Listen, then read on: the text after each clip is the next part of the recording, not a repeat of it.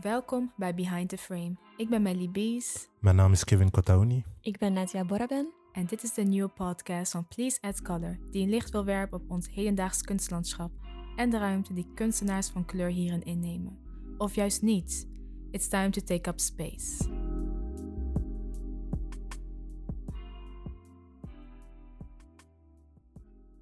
Well, welcome to another episode of Behind the Frame. Ik ben Melly Bees en ik zit hier samen met Will. Introduce yourself. Hoi, hoi, mijn naam is Wil Limba Moleka. Ik ben 23 jaar oud en ik ben oprichter van Limba. Limba. Alright. Kan je een beetje meteen beginnen wat Limba Reads eigenlijk is voor de luisteraar? Ja, zeker. Dus eh, Limba dat is een organisatie die literaire evenementen organiseert. Dus dat kunnen leesclubs zijn, boekenclubs en andere soortgelijke dingen die met boeken en literatuur te maken hebben. Buiten dat eh, publiceer ik ook online content omtrent leesbevordering en eh, publiceer ik ook filmpjes over de boeken die ik heb uitgelezen enzo- enzovoort. Sorry, dat was mijn telefoon. No worries. En ehm tenslotte geef ik ook workshops omtrent ja, hoe je moet beginnen met lezen en hoe je echt zo'n leesplezier kan stimuleren aan jongeren. En dan ben ik sinds kort begonnen op mijn oude middelbare school. En Oeh, dat wil ik wel eh, verder voortzetten, ja. nice. Thanks. En gisteren had je een iftar-event. Ja, precies. Dat Hoe was, eigenlijk dat? de tweede editie van Mealtime. Dus ik had zo wat een beetje iftar en Mealtime samen gecombineerd. Mhm. En dat was echt super gezellig. En eh, ja, bij de eerste editie kwamen er zoiets van zes à zeven mensen of zo. Dat, dat was al voor mij echt al heel intiem, heel nice en zo. Ja.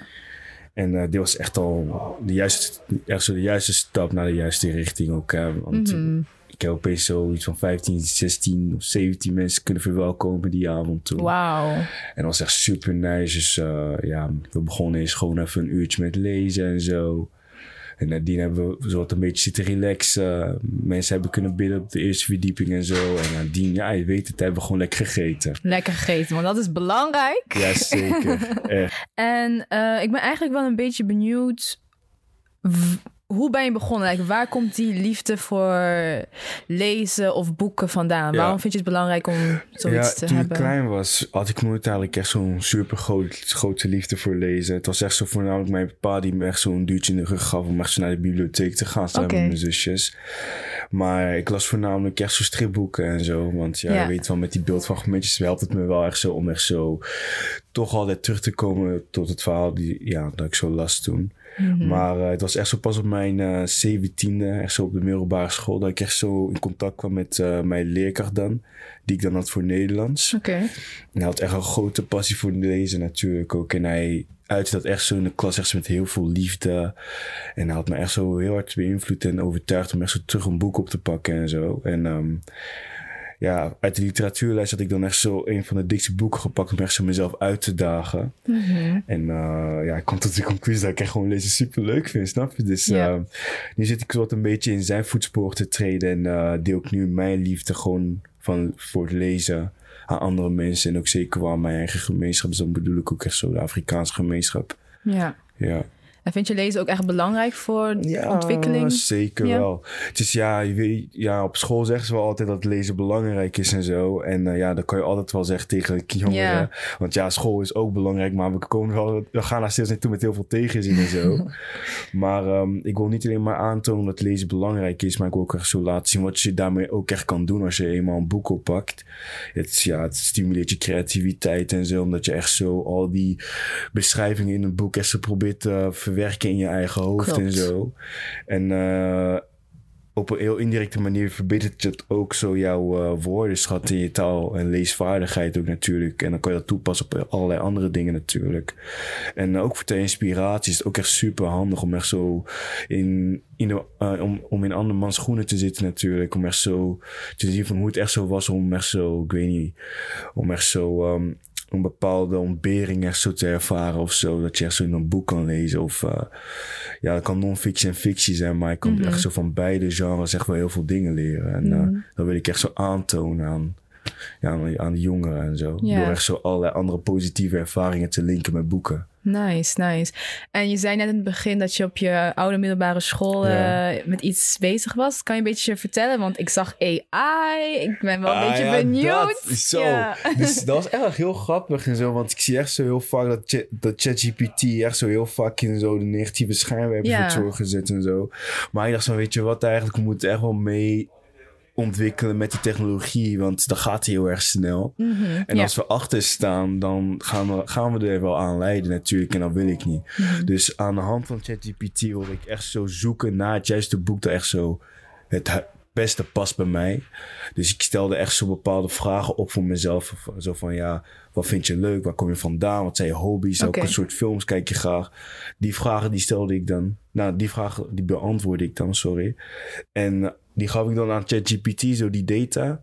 En ik stel, ik stel dan de vraag aan ChatGPT, dan kan je op basis van de data die ik jou heb gegeven, mij een paar boeken suggereren, zodat ik echt zo weer terug kan beginnen met lezen.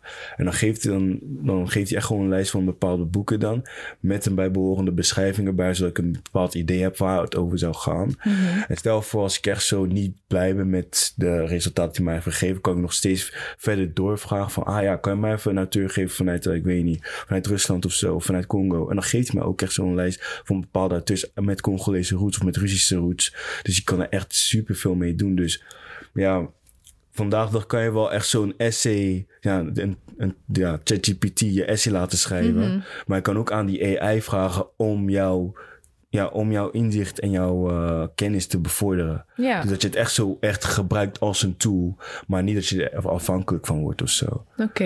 Dus eigenlijk gewoon hetzelfde als Google. Eigenlijk geven, wel, maar eh, pers- persoonlijker of zo. veel persoonlijker. Ja. Niet per se geavanceerder, maar gewoon wat meer persoonlijker. Ja. Meer. En dat heb je dan uitgeprobeerd bij die studenten? Ja, Oké. Dus zij waren wat een beetje mijn proefkonijnen.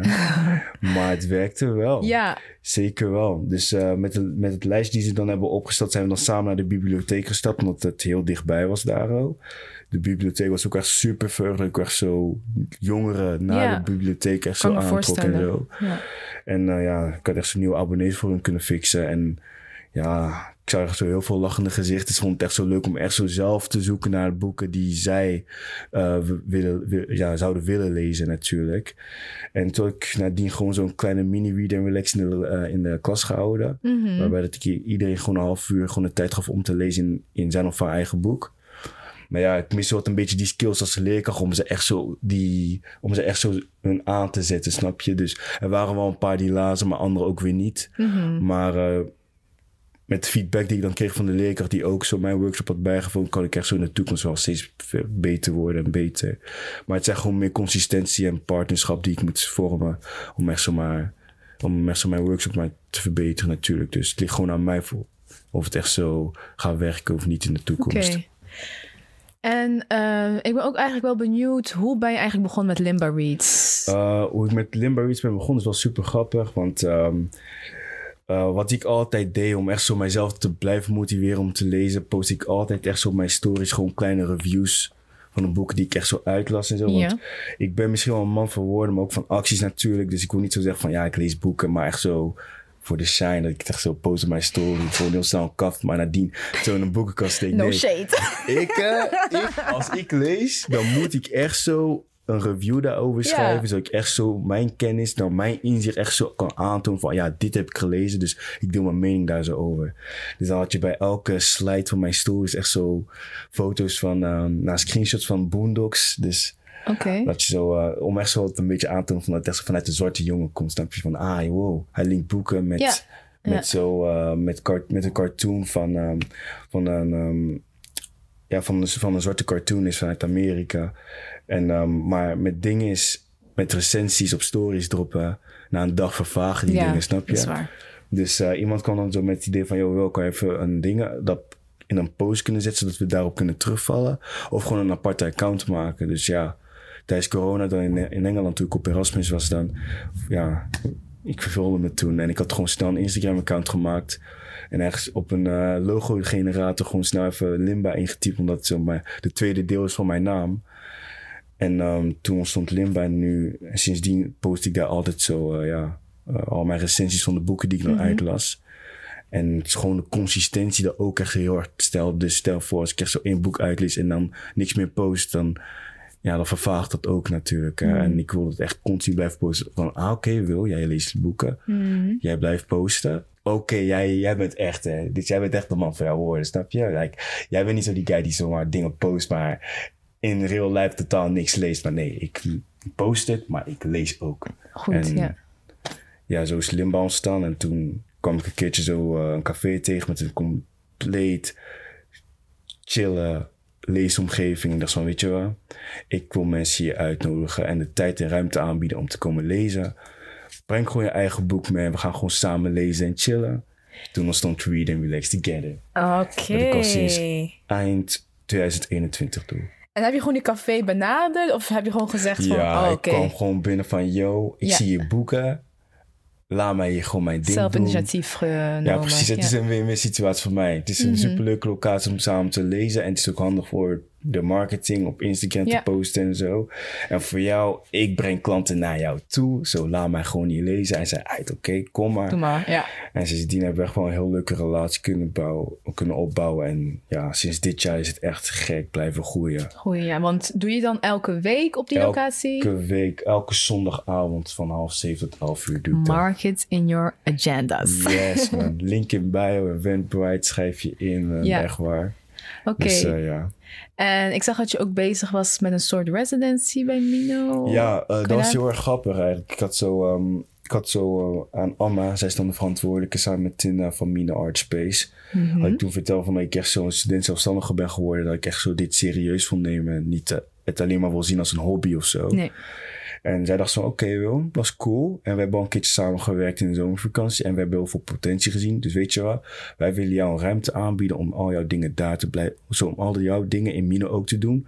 Maar al daarvoor ga je wel één keer in de week zo even de, co- de coworking space wat een beetje hosten. Oké. Ik zei zo, ja. uit cool. Ja. Geef mij gewoon een ruimte en die kan dat makkelijk opvullen. Ja. En je zag het gisteren, het was nice opgevuld. Dat was gisteren bij Mino ook. Ja, eh, was ook in Mino. En Ja. ja. ik moet wel nog zo al die beeldfragmenten nog ge- sturen naar mama. En dan zal ze wel super verheugd zijn. Dus Ja. ik ben zo wat een beetje de community builder, de in-house creator van Oh, Mino. zo. Alright. En eh, bij het Bos, dat is zo'n andere jeugdcentrum. Nou, ik, weet, ja, ik denk dat het jeugdcentrum is, ja.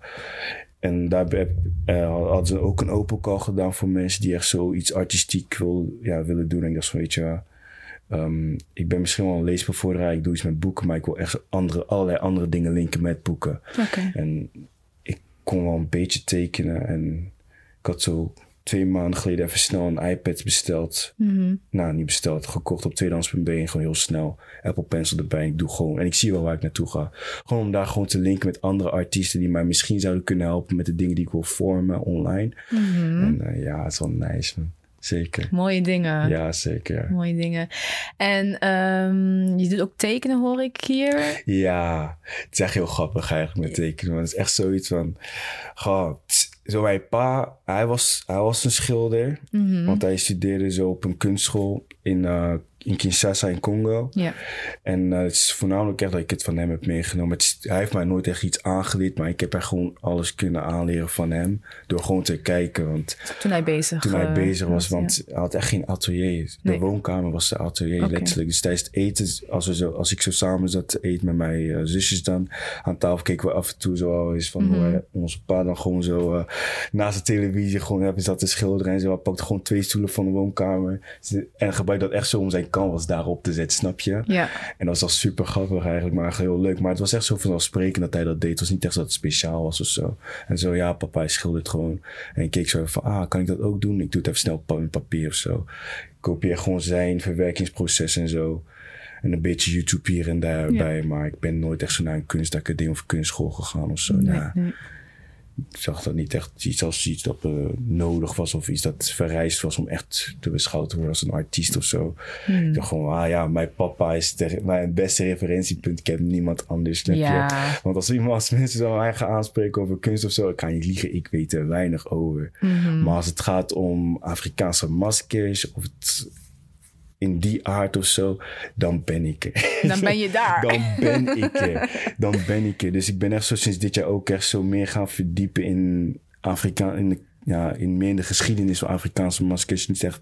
Het is niet echt dat ik het echt alleen beschouw als kunst, want het is echt veel meer dan dat. Precies, het, gebruikt ja. als, het gebruikt in ceremonies. Het heeft echt zoveel andere symbolische waarden die echt zo niet echt heel vaak in rekening wordt gebracht en zo. En eh, ja, nu probeer ik me daar echt zoveel meer in toe te spitsen en meer te digitaliseren. Dus ja, Mhm. zijn laatste schilderij dan die van mijn pa waren drie Afrikaanse maskers die ik nog steeds elke dag zie als ik opsta, als ik thuis slaap. En daar in het midden van een chokweer masker had je zo'n logo op zijn voorhoofd. Mhm. En die heb ik dan gebruikt voor mijn logo. Van eh, Limba Reeds? Van Limba ja. Dus alles wat je ziet van Limba, dat is allemaal intern voor mijn familie. Dus Heel dat maakt het makkelijk voor mij om te pitchen. Ja, deze logo komt van een schilderij van mijn pa. Limba, dat is het tweede deel van mijn volledige naam. Ja, De kleuren, het representeert dingen, de African essence en zo voort en zo verder. Dus voor mij is het echt belangrijk dat ik echt zo'n storytelling kan vormen in alles wat ik doe. Ja. Dat ik niet zomaar abrupt, maar ik kan erop van, ah ja, ik doe dit. Dit is een boekclub, dat is het. Nee, het is veel meer dan dat. het is echt een met een meaning erachter. Ja, alles heeft een meaning. ja. En uiteindelijk is het echt zo dat het community is en zo, ja. Ja, ja. En eh, hoe zie je eigenlijk de toekomst met Limba Reads? Ehm, of ook puur jezelf? Hoe ik de toekomst zie. ehm, het is echt zo dat het heel erg. ehm, niet ga, ik zou niet per se zeggen dat het chaotisch is op dit moment, maar er gebeuren gewoon heel veel dingen. Te veel je? tegelijk, ja. Er zijn heel veel dingen die tegelijk gebeuren en zo. Want ik doe ook heel veel dingen alleen. Dus de marketing, filmen, die posters die ik dan ook maak. Echt en alles. Alles, Ja. snap je? Maar het zou echt super handig zijn voor mij dat ik echt zo in de zomervakantie even kan focussen van hoe ik een team kan opbouwen. Ja, Op basis van die team echt zo kunnen zien van... oké, wat zijn de mogelijkheden die we kunnen verwezenlijken en zo. Ja, de dingen die we kunnen verwezenlijken als team. En ehm, dat ik echt zo een community kan opbouwen, stilletjes aan en zo. En het doel is echt zo om ervoor te zorgen dat ik echt zo'n jongen kan aanzetten om te lezen. Maar dan niet alleen maar dat hen ook zo kan inspireren en zo wat een beetje kan begeleiden naar de juiste richting. Wat zij ook willen doen en zo en zo verder.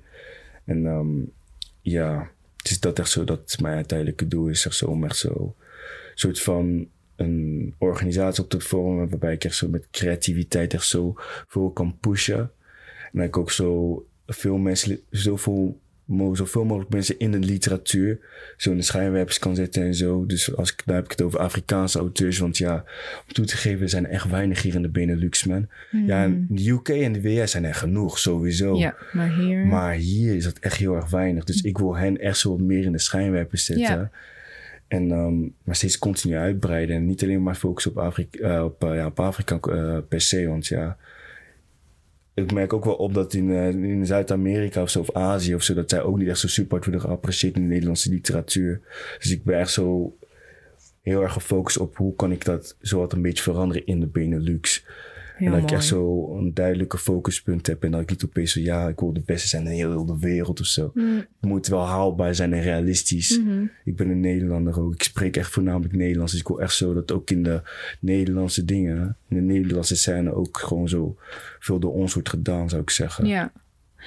En wat is eh, jouw lievelingsboek eigenlijk? Misdaad en straf, man. Als iemand mij die, die vraag Meteen gewoon die stelt, antwoord is dat gewoon direct die antwoord, man. Ik hoef niet te twijfelen. Dat is, die, dat, is dat, dat is dat boek. En why? Dus- Yo, man.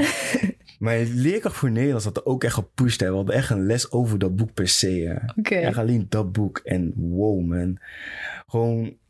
Dit is misschien wel een spoiler, maar het is niet echt het belangrijkste ding van een boek. Oké. De misdaad die de protagonist pleegt, begint aan het begin van het boek.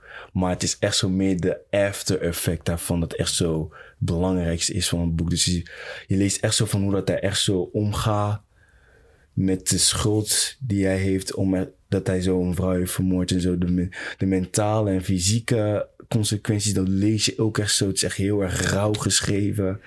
Het is echt zo, shit. Ongelooflijk mooi, man. Oké, Maar oké. af en toe ook wel een beetje oncomfortabel op de manier van hoe hij echt zo de ontberingen beschrijft van die, Ja. ja. van die protagonist die de moord heeft gepleegd en zo. En hoe hij echt zo probeert te ontvluchten van de politie en zo. Want ja, hij wordt wel sowieso ja, ondervraagd en zo. Maar gewoon dat psychische en mentale gedeelte dat hij echt zo beschreef in dat boek was echt heel mooi weergegeven. Oké, dus en- echt een aanrader. Een aanrader, Ja. sowieso. Ook heel toegankelijk. Het is wel vrij dik. Maar heel toegankelijk om te lezen. Zeker als je echt zo into it bent, dan raas je er doorheen. Ga je doorheen. En wat is je lieveling? Wie is je lievelingsauteur? Auteur. Hetzelfde, man. Fjodor Dostoevsky. Hij is de schrijver van een boek. Oh, oké, ik, heb maar, ik heb maar één boek van hem gelezen. Ja. En ik kan echt wel zeggen dat hij mijn favoriete auteur en mijn favoriete boek heeft geschreven. Dat is hij. Want hij heeft er ook echt zo voor gezorgd dat ik echt zo, dat ik echt zo heel mijn perceptie heb veranderd. Van ja, weet je, boeken zijn toch, zijn toch wel leuk. Hè? Ja. En dan komt door dat boek. Uh-huh. Als hij het niet zou hebben geschreven, dan zou ik nog steeds misschien wel hier en daar wat boeken hebben gelezen. Maar hij heeft Heeft echt zo mijn lust voor boeken echt aangewakkerd. Dat was hij. Wauw. Dus daarom is hij mijn favoriete auteur.